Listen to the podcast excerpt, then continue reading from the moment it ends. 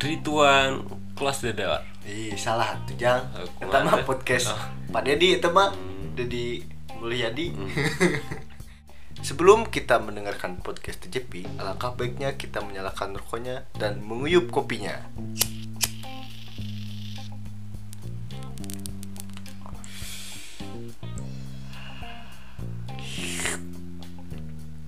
Allah. Oke teman-teman pendengar semuanya. Oke ah. Pakai- nih, baikan nih. Cocok. nikmat gitu kan. Teman-teman semuanya, para penikmat podcast, malam ini di podcast TJP kedatangan tamu yang luar biasa yaitu Ketua Umum HMI Komisariat Pagar Ageng yang sudah demisioner ya. Selamat malam Pak Ketum. Iya, selamat malam. Gimana sehat? Alhamdulillah sehat sehat. Senang sekali di podcast TJP kedatangan tamu Ketua Umum lagi ya di HMI Iya. Komisariat Pagar Ageng. Terima kasih juga dari saya bisa diundang gitu kan ke dalam podcast ini gitu. Aih, cocok. Nah sebelumnya perkenalan dulu Tum. Iya, perkenalkan nama saya itu Arwani Amin, demisioner Ketua Umum periode 2020-2021 gitu. Mang Nanti panggilannya Mang Amin aja ya. Iya, Mang Cepi siap. mengenai kehidupan Tum Amin ini kuliah di mana, rumahnya di mana, mungkin boleh tahu. Sebelumnya perjalanan hidup dulu ya kan Ya. dari dari awal itu. Asli kalau asli saya dari Palembang, Mang Palembang. Cepi ya. Terus berkuliah di STYLM Suryalaya gitu. Terus di Palembang lagi usum apa nih, Mang sekarang? Kalau di Palembang sekarang itu mungkin musim gak punya duit gitu kan. Oh, lagi Terus, PPKM. Iya, jadi lagi PPKM itu tadi. Jadi musimnya musim gak punya duit mungkin bisa terbilang seperti itu. Terus di STIE ILM Suralaya ini aktif di Intra apa gimana? Pada 2019-2020 saya aktif di internal, Mang. Jadi aktif di BEM, salah satunya itu di bagian informasi komunikasi Ah, gitu. gitu. Itu pejabatan selama satu tahun saya di internal, Mang, gitu.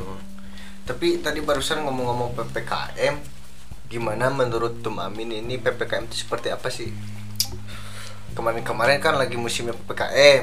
Iya. Nah, gimana menurut Tum Amin? Menurut saya PPKM itu sendiri itu sebenarnya janganlah berlarut-larut seperti itu. Sebab PPKM di situ kan kita sebagai masyarakat luar terbatas gitu. Semuanya itu kita beraktivitas terbatas, terus berkegiatan terbatas, bahkan gitu kan. Kita ini sekarang seperti ya dibutakan lagi gitu dalam bidang pembelajaran gitu. Sebab kan sekarang terbatas semuanya juga gitu. Begitupun dalam tidak hanya para pedagang, para pelaku ekonomi gitu ya, para pelaku pendidikan juga mengalami. Iya, pasti itu. Tum, ada pertanyaan. Kan Tum ini adalah Ketua Umum HMI Komisariat Pagar Ageng. Ada pertanyaan dari teman-teman para pendengar podcast TJP yaitu yang pertama, apa sih itu HMI? HMI itu adalah himpunan mahasiswa Islam. Itu adalah sebuah organisasi ekstra kampus salah satu. Sekarang itu di setiap kampus itu ada organisasi HMI. Bahkan sekarang HMI itu kurang lebih lah senusantara itu ada 200 cabang se Indonesia berarti ya kan. Nah, HMI itu sendiri adalah organisasi mahasiswa yang didirikan di Yogyakarta pada tanggal 14 Rabiul Awal 1366 Hijriah bertepatan dengan tanggal 5 Februari 1947 atas prakarsa Lapran Pane beserta 14 mahasiswa sekolah tinggi Islam gitu. Nah, tadi terdengar Lapran Pane mendirikan organisasi HMI. Nah, kenapa sih Lapran Pane ini mendirikan organisasi HMI itu? Nah, jadi pertama itu ya buat Indonesia lagi kembali terus landasan kenapa HMI itu didirikan gitu kan. Yang pertama penjajahan Belanda atas Indonesia dan tuntutan perang kemerdekaan itu salah satunya. Yang kedua adanya kesengajaan dan ke- kejumudan umat dalam pengetahuan, pemahaman dan pengalaman ajaran Islam. Terus yang ketiga kebutuhan akan pemahaman dan penghayatan keagamaan. Terus yang keempat, munculnya polarisasi politik dan banyak masih banyak lagi. Berarti pada masa itu Indonesia memang benar-benar terjajah oleh Belanda ya. Iya. Jadi organisasi ini tumbuh karena memang kebutuhan nasionalis dan juga keagamaan yang minim ya. Iya. Nah ngomong-ngomong HMI ini berkecimpung di dunia kemahasiswaan. Nah ada pertanyaan lagi nih, kenapa harus ada HMI di dunia kemahasiswaan? Nah, ini selalu dipertanyakan banyak orang gitu Ya. kan. Mang Cepi, eh, kenapa sih HM itu harus ada di dunia kampus mahasiswa? Ya itu salah satunya keberadaan HMI di dalam kampus itu bisa menciptakan kreatif-kreatif baru Ah. begitu da, buat mahasiswa-mahasiswa. Jadi bisa menyalurkan ide-ide kreativitas kepada pemerintah salah satunya gitu. Kita kan sebagai mahasiswa agen of change, agen of control gitu. Peran mahasiswa itu sendiri. Nah apakah harus di organisasi HMI ini apakah harus mahasiswa apa emang umum juga bisa masuk gitu? Sebenarnya simpel Mang Cepi masuk Oh, HMI itu. apa itu? Ya kan? Yang pertama itu harus jadi dulu mahasiswa. Hmm. Nah, gitu. Yang kedua Islam. Ah. Jadi nggak syaratnya nggak berat-berat, Ya. cuma dua itu. Pertama jadi mahasiswa, yang kedua harus Islam gitu. Berarti untuk mahasiswa-mahasiswa para pendengar podcast ini bisa dong kalau bisa, mahasiswa. iya. HMI itu syaratnya tidak berat buat mengikuti gitu. Jika pendengar mahasiswa terus juga Islam, masuklah HMI gitu. Iya, Oh, boleh sekali itu. Harus. gitu. Tum Amin, Iya. ketika Tum Amin ini aktif di organisasi HMI, apa yang Tum Amin dapatkan ketika berorganisasi di HMI? Baik, ini pengalaman saya ya, Ya. eh, dari awal masuk kampus gitu kan. Pertama itu saya masuk kampus tahun 2018 gitu kan. Di situ saya berpikir bagaimana ini dengan keadaan Indonesia yang sekarang gitu kan. Bagaimana membuat Indonesia ini berkembang gitu kan. Nah, saya memasukilah organisasi HMI itu sendiri gitu pada awal tahun 2018. Saya eh, di HMI pertamanya masih bingung tujuannya mau ke mana, arahnya mau seperti apa. Cuman punya tujuan buat mengembangkan Indonesia itu tadi gitu kan. Nah, Tum Amin, kan di Indonesia ini ada beberapa organisasi ekstra yang lain, tidak hanya HM- Iya. HMI. Nah, kenapa Tum Amin memilih HMI tidak organisasi yang lain gitu? Salah satunya kenapa saya ikut organisasi ekstra yaitu HMI. Pertamanya juga saya masuk organisasi HMI itu bukan nggak tahu kalau HMI itu himpunan mahasiswa Islam Ah. gitu. Jadi kok himpunan mahasiswa Islam gitu kan? Kan kekurangan tahu itu kurang gitu Nah, kan. ya. Yang pertama itu yang saya dapatkan pengalaman ya, ini. Ya. Pada 2019-2020 saya berproses menjadi sekretaris umum gitu. mantap. Iya. Jadi saya itu memang dari awal gitu kan dari kader dari kader dari Maperca terus screening LK gitu kan LK 1 gitu. Jadi saya mengikuti tahap dan demi tahap itu tapi dengan itu saya nyaman seperti itu. Nah di hidup di organisasi ekstra kampus ini sangat menurut saya wah ini bisa nih dijadikan alat sebuah buat perubahan gitu buat Indonesia buat bisa mengembangkan ide-ide gagasan para mahasiswa Ya. gitu salah satunya. Terus juga pengalaman saya di HMI terus berproses gitu kan sampai pada tahun tem- 20 di pertengahan saya dilantik jadi ketua umum. Selama satu tahun saya berproses menjadi seorang ketua umum di pimpinan HMI Komisaris Pagar Ageng. Wah itu banyak sekali rintangan-rintangannya gitu kan. Ternyata HMI itu kan organisasi yang independen gitu. Jadi dari atasan-atasannya juga udah orang-orang besar kan seperti tokoh-tokoh nasional seperti Anies Baswedan terus Yusuf Kala dan sebagainya. Itu kan adalah alumni alumni HMI gitu. Jadi saya termotivasi sebenarnya Mang Cepi gitu masuk HMI ternyata tokoh-tokoh HMI itu gede-gede Iya. ternyata di nasional gitu kan. Ada Anies Baswedan ya iya contohnya. Anies Baswedan Yusuf Kala salah satunya itu kan. Terus perjalanan saya di ketua umum nih pertamanya saya bingung kan bagaimana buat mengonsep mengonsep buat di organisasi. Tapi berjalannya waktu saya belajar gitu kan bersilaturahmi kepada alumni alumni gitu kan terbukalah jalan pikiran gitu kan adalah buat pengembangan pengembangan gitu kan. Emang cita-cita sih besar buat mengembangkan Ya, Indonesia ya. ya kan? Tapi buat saat ini kita jadi mahasiswa ya sudah buat mengembangkan saja buat kampus memajukan kampus bagaimana caranya. Di saat saya jadi ketua umum perjalanan proses ah badai petir pokoknya Mang Ya. Cepi itu. Terjangan-terjangan jadi seorang pemimpin pokoknya mah pemimpin itu harus kuat tangguh kuat dicaci dimaki lah gitu. Jadi pemimpin itu bener omongin salah diomongin gitu kan. Jadi harus gimana seorang pemimpin itu kan? Tapi ya udah fitrahnya jadi seorang pemimpin harus seperti itu gitu Jadi kalau misalkan ada masalah, ada apa-apa ujung tombaknya pasti ke ketua gitu kan. iya pasti gitu ada masalah nih kadar Ya. pasti ke ketua umum gitu Nah ngomong-ngomong tadi ada maperca, terus ada screening, ada LK. Nah itu apa maperca itu seperti apa? Jadi Mang Cepi buat para mahasiswa ya kan Maperca itu masa perkenalan calon anggota. Nah itu kalau di HMI itu namanya Maperca gitu.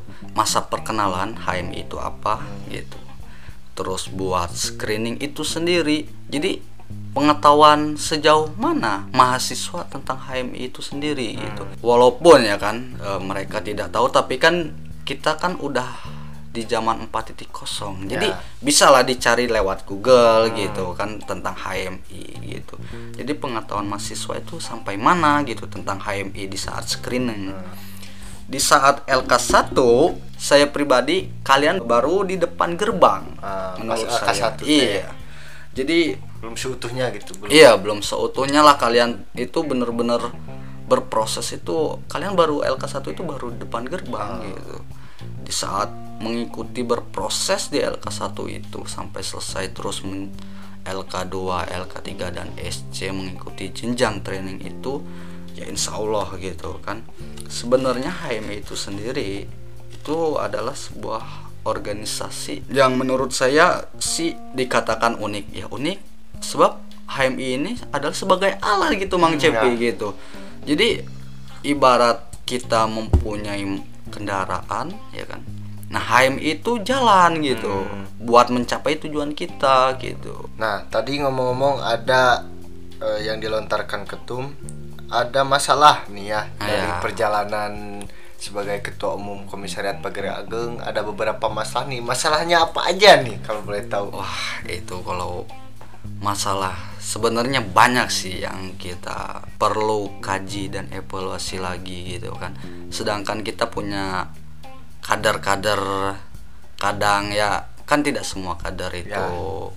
baik gitu kan. Terkadang ada yang jabatan di kampus terus yang bermasalah terus dan sebagainya terus kader-kader yang ketahuan dengan masyarakat ya pokoknya mah yang buruk lah Ya. di lingkungan internal maupun eksternal itu kita yang ke bawah gitu kan jadi ketua umum itu ternyata berat gitu Ya, mang gitu. pasti. tanggung jawab itu nggak di ekstra ternyata di intra Ya. itu lebih gitu kan di intra di ekstra jadi harus ya jadi pemimpin di HMI itu yang harus kuat lah terjangan ombak Hmm. terus cacian maki Nah kalau misalkan teman-teman pendengar di rumah nih sedang mengalami masalah yang sama seperti yang dialami oleh ketum, apa sih yang harus dilakukan mereka gitu? pada dasarnya boleh kita banyak masalah tapi otak tetap dingin Ah. gitu jadi emang nih kita banyak masalah tapi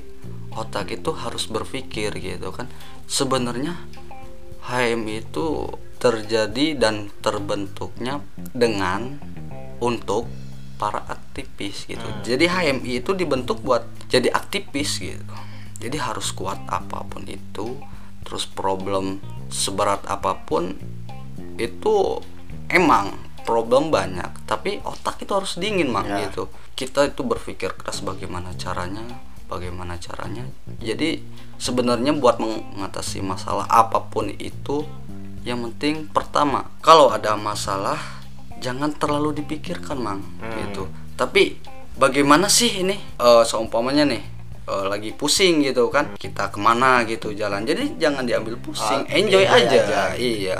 Gitu. Di saat kita kan jalan ke sana ke sini gitu kan eh, ibaratnya liburan gitu ya kita sambil berpikir bagaimana ya kalau di HM itu sendiri bisa mungkin kan curhat-curhat kepada alumni gitu HMI ini bagaimana cara problematikanya gitu tapi kalau buat pribadi saya sendiri sih jika bisa diatasi kenapa harus dengan senior gitu dengan alumni kalau kita bisa cukup mungkin segitu Sebelumnya tuh boleh diminum dulu kopinya. oh iya Ah, ih, mantap. Mantap Ah. enggak?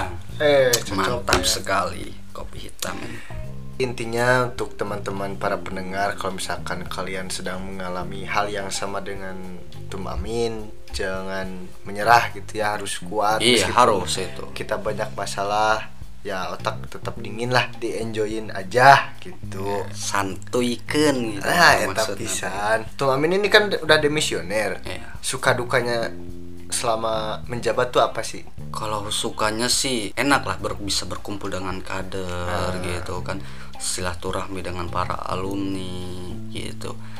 Terus ya dukanya sih sebenarnya bagaimana caranya kepengurusan selanjutnya itu bisa melanjutkan atau bahkan lebih bagus gitu dari kepengurusan sebelumnya gitu. Sebenarnya rasa duka itu kalau udah di akhir jabatan ya kayak demisioner sebenarnya sih kalau ibarat mah pikiran berat itu langsung wuh gitu tah. Cat visual teh gini. ah pleng we gitu tah. Jadi nggak ada duka itu. Yang ada itu ya sukanya mungkin ya sering berkomunikasi dengan kader-kader terus intens lah intinya terus diskusi. Tapi kan dukanya di saat jadi demisioner itu nggak banyak sih. Cuman dukanya mah meren lamun formal di HMI jika asup kepanitiaan Hmm. tah eta ulah gitu dah mana emang geus demisioner gini Ah, tah dukana teh gitu gitu tah Itu bisa Eh, milu ruang lingkup. Iya, Ya, jadi gitu. kita bisa ruang lingkup. Cuman bisanya ikut diskusi Hmm. gitu, komunikasi. Ya cuman mungkin dukanya cuman di situ gitu. Ikut gitu, ikut kepanitiaan dan sebagainya gitu. Terus dengar-dengar juga hari tadi kan eh, Tum Amin sudah menyerahkan jabatan nih ya. Iya. Ngerasa sedih gak atau gimana terharu apa gimana gitu? Sebenarnya ya terharu gitu kan sebenarnya buat ke depannya sih banyak program-program yang belum bisa terlaksana gitu kan sedihnya itu di situ. Gregetan gitu. Iya gregetan tapi ya mungkin insya Allah buat kepengurusan selanjutnya bisa lebih melebihi kepengurusan sebelumnya gitu penyerahan ini. Mengharukan lah ibarat mah iya mah perpisahan teh da kumaha gitu Ya. ta jadi perpindahan itu pimpinan. Tapi ya saya pribadi berharap buat kepengurusan yang selanjutnya itu harus bisa lebih baik dari kepengurusan sebelumnya gitu. Ada pesan-kesan untuk para penerus Tum Amin? ya mungkin buat kepengurusan selanjutnya yang pertama ya harus kuat lah dengan guncangan ombak gitu Nah. kan terjang sepakan cacian maki dari seseorang lah dari yang lain dari netizen lah inti Ya. namanya buat ke depannya kalau bisa bisa lebih baik gitu lebih berkembang lagi terus Oh banyak sekali ilmu tentang HMI di malam ini ya. Ternyata mungkin ada yang disampaikan dari Tum Amin untuk para pendengar. Terkhusus lah ya, buat para mahasiswa. Jangan kalian dari rumah ke kampus itu cuman buat belajar. Nah, tapi kalian di kampus itu mencari sebuah hal-hal yang baru gitu. Jadi jangan jadi di mahasiswa kupu-kupu. Ah, mangkat di imah ke kampus mulang deh ke imah. Ulah gitu jadi mahasiswa mah gitu. Kan kita itu sudah jelas namanya juga mahasiswa gitu.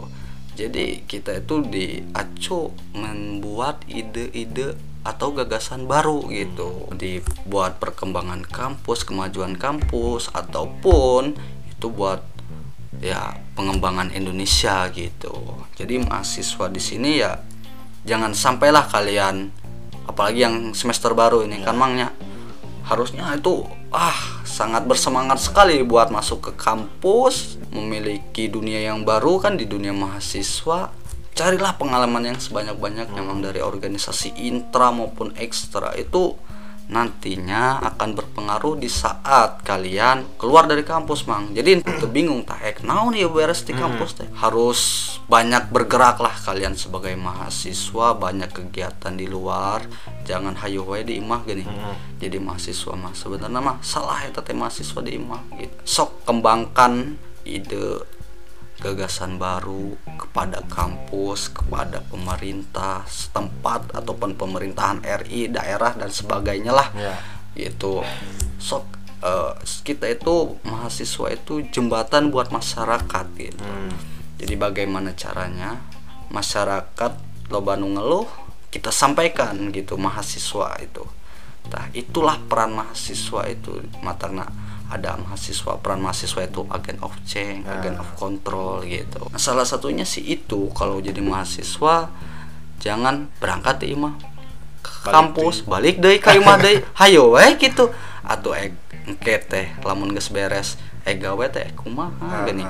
terus buat terjun ke masyarakat kita juga tidak ada berpengalaman sebab organisasi numpang letik teh keluarga mang Ya. gitu. Di mahasiswa kita mempunyai organisasi di ekstra di desa. Desa pemerintahan itu organisasi. Cuman itu ya ru- ruang lingkup buat negara gitu. Oke, nah tadi ada kesan dan pesan untuk para mahasiswa bahwasanya kita sebagai mahasiswa jangan menjadi mahasiswa yang kupu-kupu. Karena mahasiswa adalah jembatan untuk masyarakat, untuk ajuan-ajuan dari masyarakat itu kita langsung sampaikan kepada para pemerintah.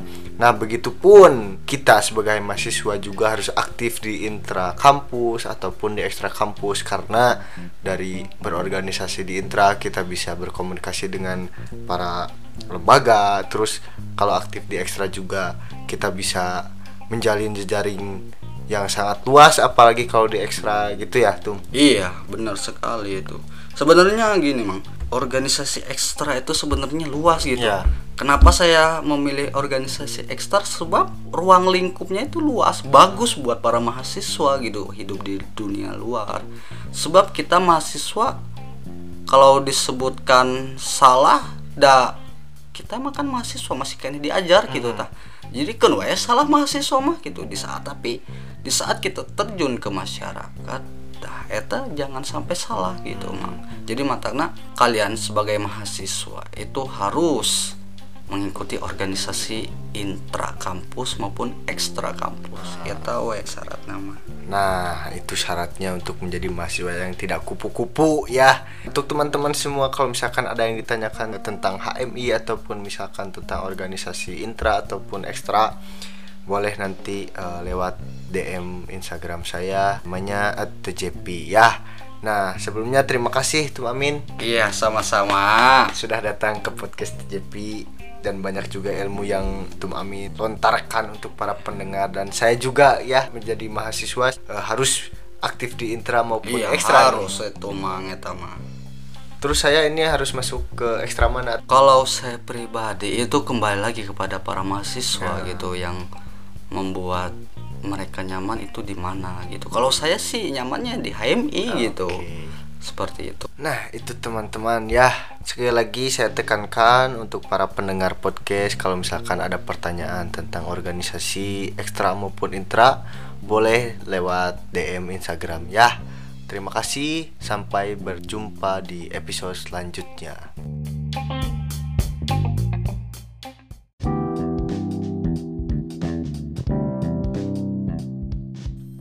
One, close the door.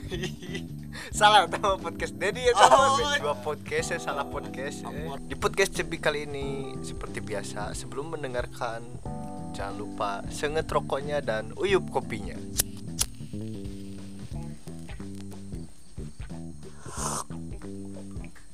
ah Oke, di podcast kali ini di sore hari ya. Pertama kali kita podcast di sore hari dan di alam tentunya berada di satu lokasi yang memang sangat-sangat dingin tentunya. Nah, di podcast Cepi kali ini kedatangan tamu juga ya, seorang wanita ternyata di podcast kali ini yang bernama siapa boleh perkenalan dulu Teteh? Eh, Oke, perkenalkan nama saya Putri Eka Dewanti, biasa dipanggil Neng Put. Neng Put. Oke, Neng Put. Eh, sebelumnya tinggal di mana, kuliah di mana? Coba biar pendengar bisa mengenal lebih jauh tentang Neng Put. Kalau tinggal itu di Jawa di Purworejo. Oh, Jawa. Ya, terus kuliah di STI Latifah Mubarokiyah. Terus eh, sementara di sini tinggalnya di Ciamis, Oh, di Payung Sari. Ciamis. Nah, ngomong-ngomong di STI sendiri, Teteh aktif di organisasi apa? Oh, aktif banget dong. Oh, tentunya. Coba aktif di mana saja? Di Himpunan Mahasiswa Islam. Mm-mm. Pernah menjabat sebagai ketua umum bidang eksternal Bo, mantap. di Kabit PP, terus pernah jadi wasik wasekum PP. Hmm. Terus juga pernah kemarin baru baru lengser di Wasekum bidang PTKP. Hmm. Terus semester 2-nya di departemen bidang PTKP. Terus di BEM juga di departemen sosial budaya dan kemasyarakatan. Teteh dulu di SMA-nya, di SMP-nya suka nari. Nah, Wah. kebetulan di BEM ada juga departemen sosial dan budaya. Ya udah pengen ngambil ke sana. Untuk podcast kali ini kita akan membahas tupoksinya itu adalah cinta. Oh, cocok. Sebenarnya kita akan bahas cinta ini soalnya banyak juga teh eh, teman-teman saya, followers-followers saya, fans saya banyak yang nge-DM bahwa curhatlah tentang pasangan, tentang hubungan, galau bla bla bla, gimana bla bla bla. Nah, gitu. Untuk teteh sendiri, cinta itu apa sih? Eh, kalau teteh masihnya cinta itu rasa rasa ketertarikan antara dua lawan jenis. Nah, ngomong-ngomong dua lawan jenis dan timbulnya rasa karena cinta, timbul karena rasa. Kenapa sih si cinta ini harus hadir di kehidupan kita, Teteh? Biar makin berwarna. Cuman jangan sampai kita menyalahgunakan kata cinta di kehidupan sehari-hari. Kenapa? Contoh ya, kalau kita salah mengartikan cinta, nanti jadinya melakukan suatu pekerjaan nih, misalkan kayak kita di organisasi. Ya. Terus ah enggak ah nggak mau di organisasi, dah nggak ada orang yang aku cinta. Berarti dia melakukan pekerjaan itu bukan keinginan dia, tapi Ah. karena karena ada karena Seseorang yang nah, dicintai. Iya gitu. Jangan sampai salah mengartikan gitu. Apakah si cinta ini disebut juga fanatik, Teteh? Enggak. Kenapa?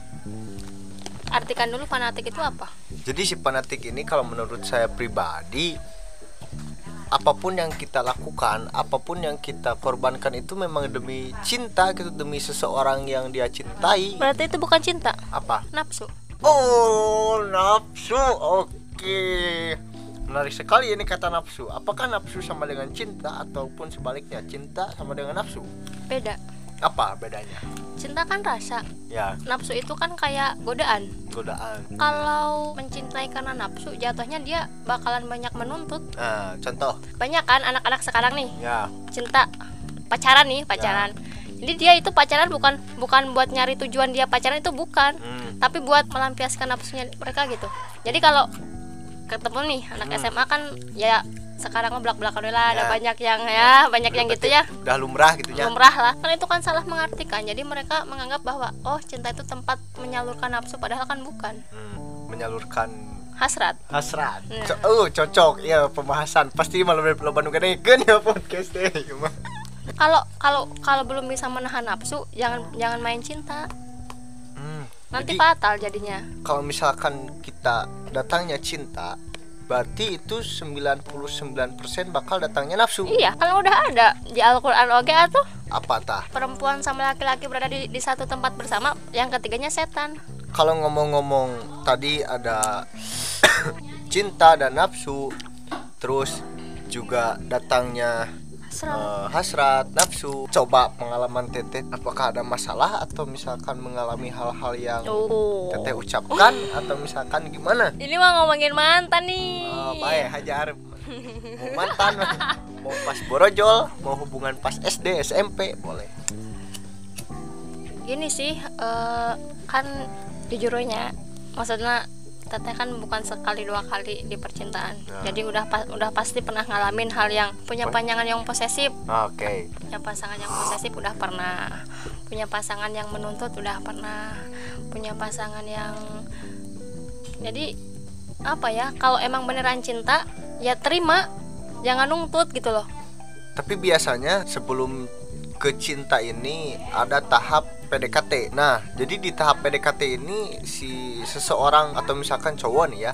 Misalkan cowok bilang bahwa orang teh nari makan maneh naon we ayana gitu. Bohong. Nah, tampet bohong nah. karena kalau yang namanya lagi PDKT semua itu memperlihatkan kebaikan gak ada keburukannya Hmm. chat tiap hari selalu ada tiap hari tapi ketika udah dapat udah pacaran pokoknya beda banget sama ekspektasi. Pas PDKT nih masih gak nama iya mah cocok lah gitunya pas PDKT lagi selalu ayah ngechat wae ngajak ketemuan gitu. Ayo pas bobogohan anjir boro-boro. Berarti si lelaki eta teh ngan- jika nama nggak ukur penasaran iya. meren. ya itu tadi kayak nggak benar-benar gitu loh. Hanya kayak melampiasi nafsu. Jadi kayak menyeleksi gitu gini. Oke. Nah, paham paham. jadi ya buat cewek-cewek nih kalau ada cowok yang PDKT bener terus pas jadian nggak bener tinggalin dangukeun. Lamun Misalkan ka deketan anu babacot, tinggalkeun.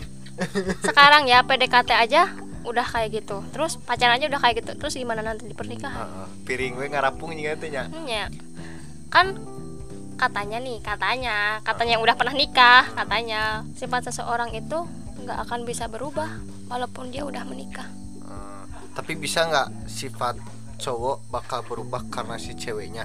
nggak semuanya sih Hmm, tapi bakal pasti itu. walau alam Eh, karena ada ada emang yang dia berubah dia berubah nih karena karena tuntutan ceweknya nih dia berubah ketika udah nggak sama si ceweknya dia kembali ke yang dulu gitu Oke, berarti pengalaman guys berarti berubahnya emang karena seseorang itu ya, Iya. bukan karena diri sendiri. iya jadinya gitu Nah, tadi juga nger bahwa Teteh pernah diposisifin, pernah Pernah. dikekang. Pernah. Contohnya gimana? jadi eh, pernah ada hubungan gini nih. Kamu cina jangan berteman sama teman cowok kamu. Nah, tah. ya nggak boleh. Jadi dia tuh cemburu gitu loh. Pokoknya saya ngobrol nih sama teman cowok. Hmm. boncengan. Apa boncengan tuh Ya, boncengan. boncengan. Terus apa bercanda gitu dan wah itu teh pulang-pulang teh Pas saya gitu. pas saya we pokoknya mah es pokoknya teh si Ganu heeh gitunya si Ganu erek Heeh. ke sapruk-prukan gitu. Ih anjir cek Kan orang teh. non bisi sapruk-prukan teh. Si Ganu ek bener-bener jadi suami Oh. gitu padahal jeung goblokna saya goblokna saya nih. Saya nanti nurut deh. Jadi ulah jeung itu ulah jeung ieu nya nurut teh. Urang teh dasieun kelengitan teh geuning ai pek teh eh, capek juga kan maksudnya ngerasa terkekang gitu loh. Mau ini nggak boleh mau itu nggak boleh mau gini-gini dikekang. Terus kamu juga harus perfect. Saya sebagai perempuan harus perfect. Kamu harus bisa jadi apa yang aku mau kata dia. Kalau ada perempuan cantik lewat pernah sini cenah bisa tuh sih mana tuh sih gak sih itu gitu. sedangkan Oh, membanding-bandingkan. nggak cuman posesif nuntut pokoknya teh eh, Tapi nah bisa terlepas Teteh dengan si eta. Cowok teh banyak meren. Kenapa kita harus bertahan sama satu laki-laki kalau dia cuman menyakiti? Nah, cocok ieu mah. Tah, untuk para wanita yang sedang tersakiti, geus tinggalkeun. Lalaki mah loba. dia kan pingin dapat pasangan yang sempurna. Maksudnya cantik nih bahenol ya udahlah sekarang mah terang-terangan aja deh. Ada cowok mah pasti suka sama yang bahenolnya Heeh. ya bahenol cantik pinter. Ndak urang ge hayang atuh bukan laki nu beunghar nih kaya.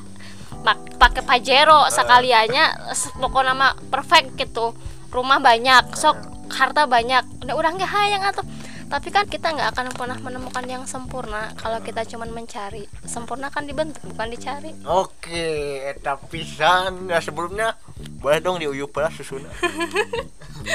Karena cowok itu ngopi. Ah, mantap.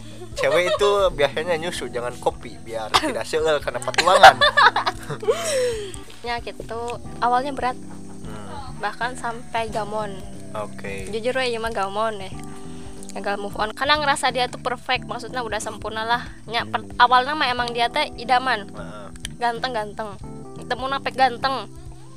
Orang nah cuman dia nuntut ini nuntut itunya udahlah capek gitu. Goblok nah saya hampir bertahan bertahun-tahun dengan orang yang kayak Goblok gitu. gitu. ya goblok lah ya nya.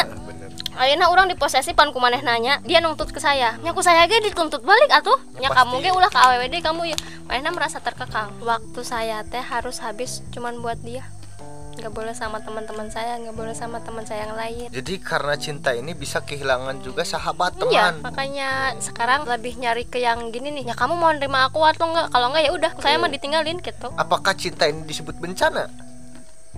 Tergantung sudut pandang karena kita tidak bisa menyamakan sudut pandang kita dengan sudut pandang orang lain. Kalau dianya nggak sesuai ekspektasi ya bencana. Tapi kalau dia sesuai ekspektasi kita ya anugerah. Contoh ekspektasi kita nih pengen dapet cowok yang ngerti gini gini gini gini tapi prakna lelakina eh, di luar ekspektasi Ah. tapi introspeksi dulu ke diri kita kita udah udah sesuai yang dia ekspektasikan atau belum gitu Nah mungkin ini teh di pendengar-pendengar podcast TJP barangkali misalkan ada yang galau karena diputusin atau misalkan eh, sedang mengalami hal yang sama dengan eh, waktu teteh dikekang, waktu teteh di posesifin harus bagaimana?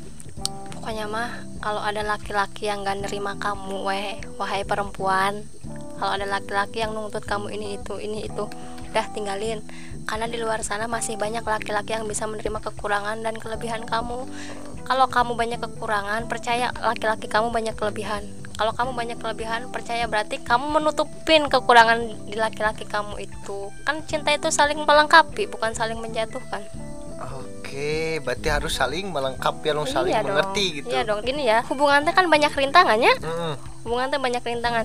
Kalau di hubungan biasa aja udah nggak kuat menghadapi rintangan, gimana nanti rumah tangga?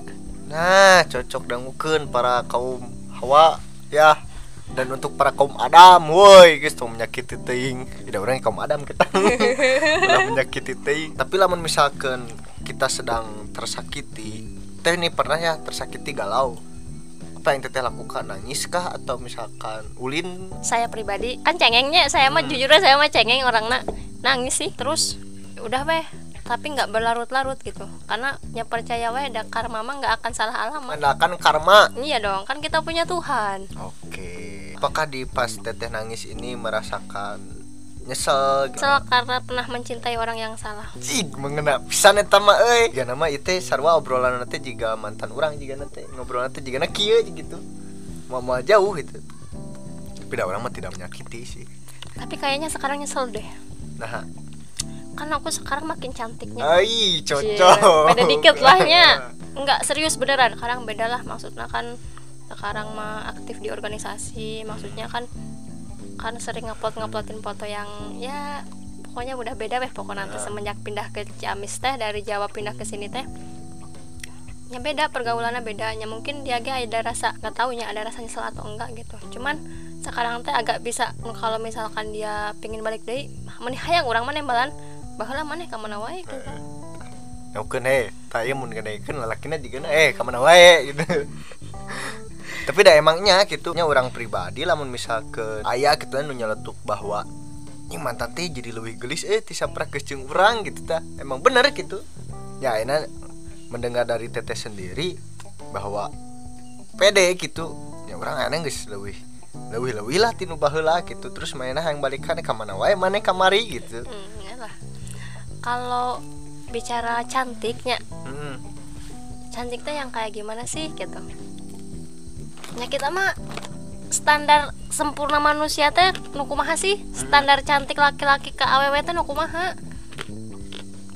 ya menurut orang pribadi lah misalkan gelis teh orang mah lamun misalkan nya jujur gitu nya mimiti nempak awewe teh tina sukuna Mun sukuna hideung banget na bodas goreng gitu mah. goreng dah orang maksud teh nempo suku teh oh manehanana berarti bisa ngajaga suku lah santana bisa ngajaga diri gitu. Komoding kayak ngajaga orang gitu ta ngajaga suku ge bisa gitu. Cantik mah dari hati bukan dari rupa. Hmm, tapi dah orang sok suku lah. Suku lah anya bodas ya. Tak tentu langsung orang resep ka hijau eta tapi ditempuh lah. Maksud ditempuh teh dengan sifatnya gitu ya. Lain nempuh ka mana gitu nu bodas teh oh cocok ieu tah kare gitu. Tapi menurut teteh sendiri kegantengan atau misalkan keperfekan cowok tuh dilihat dari kumaha we pas meeting lihat cowok ya seret nemponon heula Jangan pernah melihat seseorang dari luarnya. ya pasti luarna heula Enggak. Fisik itu bisa menipu. Kalau kamu menilai seseorang dari fisik, kamu mencintai seseorang dari fisik. Bayangkan nih, ganteng, ganteng pacaran, ganteng nikah. Jebret lalaki tabrakan. Rusak banget. Nah berarti kamu tidak akan mencintai dia lagi? Oh eh, bener. Mencintai seseorang mah dari cara dia memperlakukan kalau laki-laki nak cara dia memperlakukan ibunya seperti apa? Oke. Kalau perempuan bagaimana cara dia menghargai sesama manusia sesama perempuan? Terus gimana dia ke orang tuanya? Kalau dia menghargai ke orang tuanya dia nanti bisa menghargai ke suaminya kalau perempuan. Karena perempuan setelah menikah kan surganya pindah ke laki-laki ke suaminya gitu kalau hubungan dia sama orang tuanya berantakan ya ya ya ya udah. Nya apal berat lah berat apalah. Emang saya belum rumah tangga cuman saya sudah banyak survive banyak ya di lingkungan yang ya jadi kasalah kita si Ganu mah hanya wani gitu loh. Sedangkan kita nggak boleh sebagai perempuan gitu ke suami itu nggak boleh lo dosa. Tapi sebenarnya masalah percintaan juga bukan sepenuhnya kesalahan laki-laki. Sebagai perempuan kita juga harus introspeksi diri. Contoh kenapa laki-laki sampai selingkuh nah bener berarti orang nawe teu memuaskan eh teu memuaskan teu melakukan hal yang apakah ingin nah apakah kita sebagai perempuan terlalu sibuk sampai melupakan dia? Apakah kita terlalu mementingkan urusan pribadi sampai kita lupa ke laki-laki kita sampai sampai dia mencari kebahagiaan di luar. Tapi juga bukan sepenuhnya salah perempuan. Laki-laki juga harus introspeksi diri. Kenapa kan ada perempuan yang selingkuh? Heeh. laki-lakinya kenapa? Atau emang nggak pernah ada waktu? Emang atau sampai cuek atau jadi intinya cinta mah harus saling saling ngerti saling memahami. Tadi terdengar bahwa Teteh mengungkapkan bahwa tidak hanya cowok yang salah Hmm. tapi perempuan. cewek juga harus salah. Tapi kenapa ya banyak kamus apa yang dimiliki cewek ketika lamun misalkan laki benar perempuan dewi benar cina lamun misalkan cewek salah laki beki salah tak kumaha eta? Eta mah cewek nawe nu egois. Oke jadi kudu kumaha ya sebagai laki-laki ketika mendengar lontaran itu dari wanita? Tong sarwana perempuan. Hmm. kalau lagi emosi segala disebutan contoh? Ngecaprak. Kejadian satu bulan yang lalu tanggal tanggal jamna ya, nyawa. langsung. Kamu mah kamu ingat gak tanggal segini gini gini, gini? lagi emosi. Oh, kalau lelaki nak oh ya udah sarwana nembalan berbubar hubungannya. Pernah pengalaman dulu gitu. Jadi pernahnya teteh teh hubungan sama orang yang jadi teteh teh marah. Ah, dia lebih marah. Ay teteh orang nak kan mau disegak begini nyegaknya ah. jadi di dalam hubungan teh kalau dia marah teteh marah. Teteh nyicingkan gening mana lebih nyicingkan naonan hubungan macam apa ini? Jadi pas cicing-cicing eh, we gitu. jadi ketika saya jadi api dia jadi api. Kan harusnya kalau satu api satu air, gitu. Jadi di hubungan teh enak. Orangnya pengalaman gitunya sebenarnya mah nah gitu si awet lamun misalkan diajak kulin atau misalkan diajak makan teh sok ngomong terserah. Mohon maaf saya mah beda dari perempuan yang lain. Kalau ditanya mau makan apa neng? Padang. Mau Oke. makan apa neng? Lazato mau makan apa neng? Ini saya emang jarang ngomong neng mau makan apa terserah. Tara. Ya yang sekarang lagi sama saya nih yang sekarang punya hubungan sama saya. Coba tanya saya mah Tara gitu ulah munafik lah jadi jadi manusia mau laki-laki mau perempuan. Jadi kalau mau mau kalau enggak enggak gitu. Jangan enggak enggak yang mau jangan mau mau yang enggak. Hmm, tapi kenapa sih sok terserah apakah manehna hoream apa kumaha gitu? Gengsi. Oh, gengsi. Jadi gini ada eh, perempuan yang mau makan apa? Cina. Terserah. Jadi kianya mana misalkan hayang padang kan padang ada yang mahalnya nu padang nyaan mahnya dua piringnya bisa delapan puluh ribu guys. Jadi dia berpikirnya gini dia takut mun aku hayang iya. Si apa gak duit sakitnya si A bisa membayarkan sakitnya gitu. Oh. Jadi dia takut merepotkan sebenarnya cuman Oke. sebenarnya dia tuh pengen gitu. Tapi nahan namun misalkan hayang mah teu make duit sorangan gitu. Sok kan nyatu di mana-mana mah jalan mah cowok yang bayarin atuh tapi dalam di saat ayeuna si cowoknya tuh boga duit kan gitu tuntungna parasiat gara-gara terserah. Kudu eta ya, berarti cowonannya tengarti ceweknya embung ngerti gitu. Kalau ceweknya ngerti jadi ya udah weh terserah. Misalkannya ya udah ke sini nggak mau. Jangan suka aja gitu ya si cewek nate jadi hayang aku mah terserah. Kan bingungnya ke cowoknya jadi kalau pingin hubungan nggak pernah debat apalagi cuman masalah sepele saling terbuka. Oke. Jadi mun hayang iya hayang iya gitu. Di dalam hubungan mah jangan ada yang ditutup tutupi sepahit apa pun itu. Lebih baik jujur walau pahit daripada bohong tapi manis. Ah, benar-benar. Nah, begitupun yang lagu Cepi sampaikan bahwa di dalam liriknya adalah sudahlah kopi saja yang pahit, guys, kehidupan mah tong pahit, komodi hubungan gitunya. Kenapa? Kalian masih jomblo? Hello, aduh jomblo sejatinya, erek pahit jomblo gitu. Ulah atunya kudu berwarna hirup mah. Apa yang dialami ketika berhubungan dengan pejabat? banyakin sabar banyakin ngerti. Kalau kita kan banyak nih eh, pernah ada dengar. Jadi si ceweknya mutusin karena cowoknya pejabat. Jadi maksudnya kan emang pejabatnya kan banyak banyak waktu yang terbuangnya Ah, kalau kita sebagai ceweknya nggak ngerti ya tiap hari bakalan debat. Makanya ulah saling menuntut lah di hubungan lah gitu.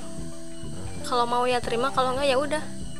Oke, apa yang akan teteh sampaikan untuk para pendengar podcast TJP ketika mereka berhubungan?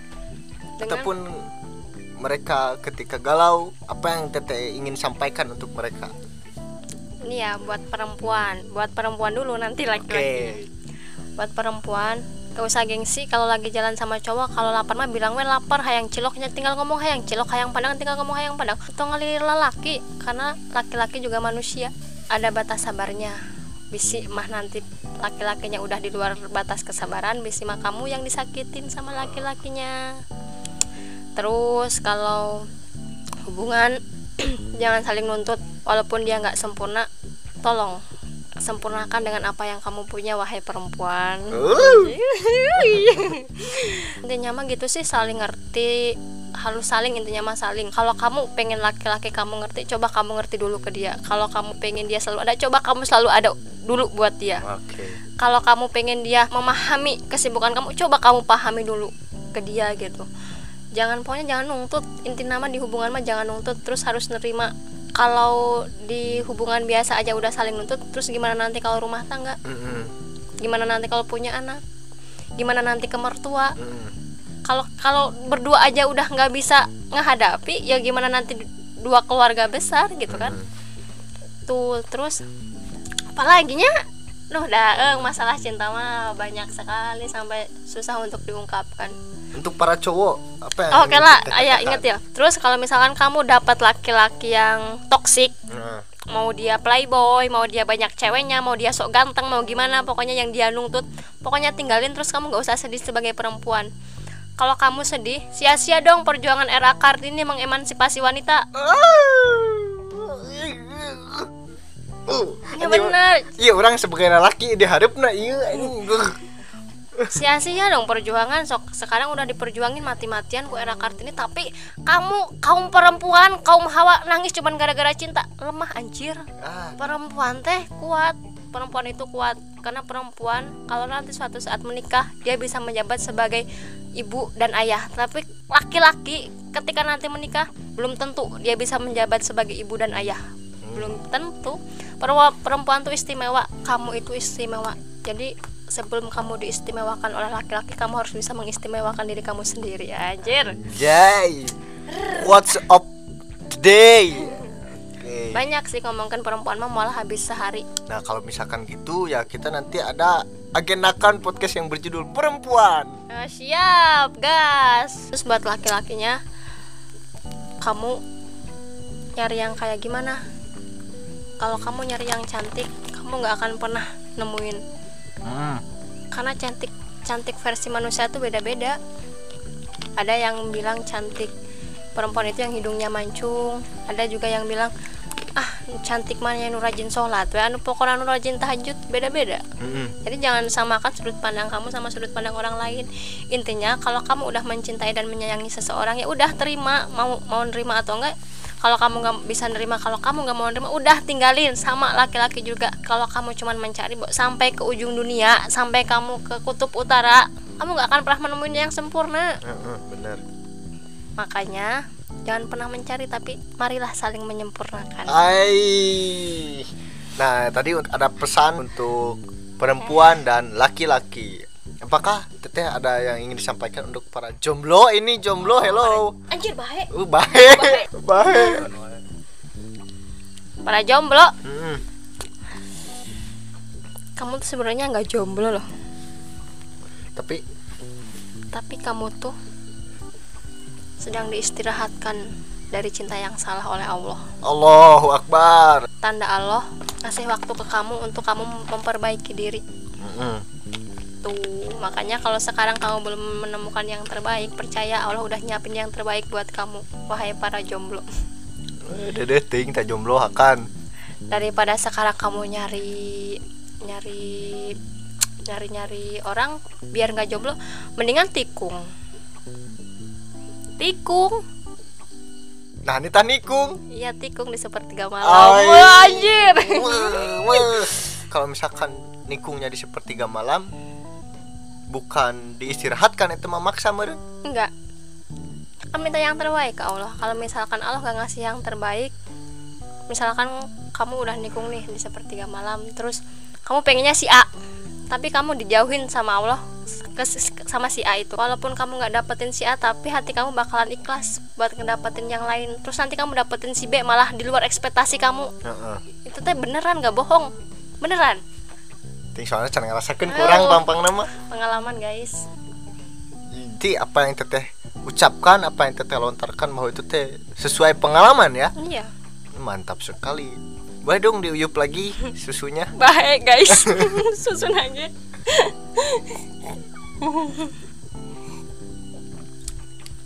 Oke, nah terima kasih ya Teteh Emput sudah datang ke podcast dan udah membahas tentang hubungan, tentang perempuan, tentang masalah, tentang solusi juga untuk para jomblo, untuk para galawers dan untuk para sakit hatiers bahwasannya perempuan itu harus kuat karena perempuan juga bisa jadi laki-laki. Nah, apa pun yang laki-laki lakukan bisa dilakukan oleh wanita dan untuk para laki-laki tidak bisa menjadi seorang wanita karena laki-laki tidak bisa melahirkan ya. Dan ada pesan juga untuk para laki-laki bahwasanya kita sebagai kaum Adam harus menyayangi kaum Hawa. Karena apa pun yang kaum Adam lakukan pasti juga dilakukan oleh para kaum Hawa agar hubungan kalian tuh saling melengkapi dan saling menyayangi. Oke, Temput, terima kasih sudah datang di podcast saya ya. Ya sama-sama sering-sering ya manggilnya. Hmm. Oke, cocok. Nanti Cocok. nanti juga kita akan bahas tentang perempuan ya. Oh siap. Judulnya perempuan. Dan terima kasih sudah mendengarkan podcast CP di sore ini dan di alam ini ya sangat tiis sekali di sini sangat nikmat sekali. Sampai jumpa di episode selanjutnya.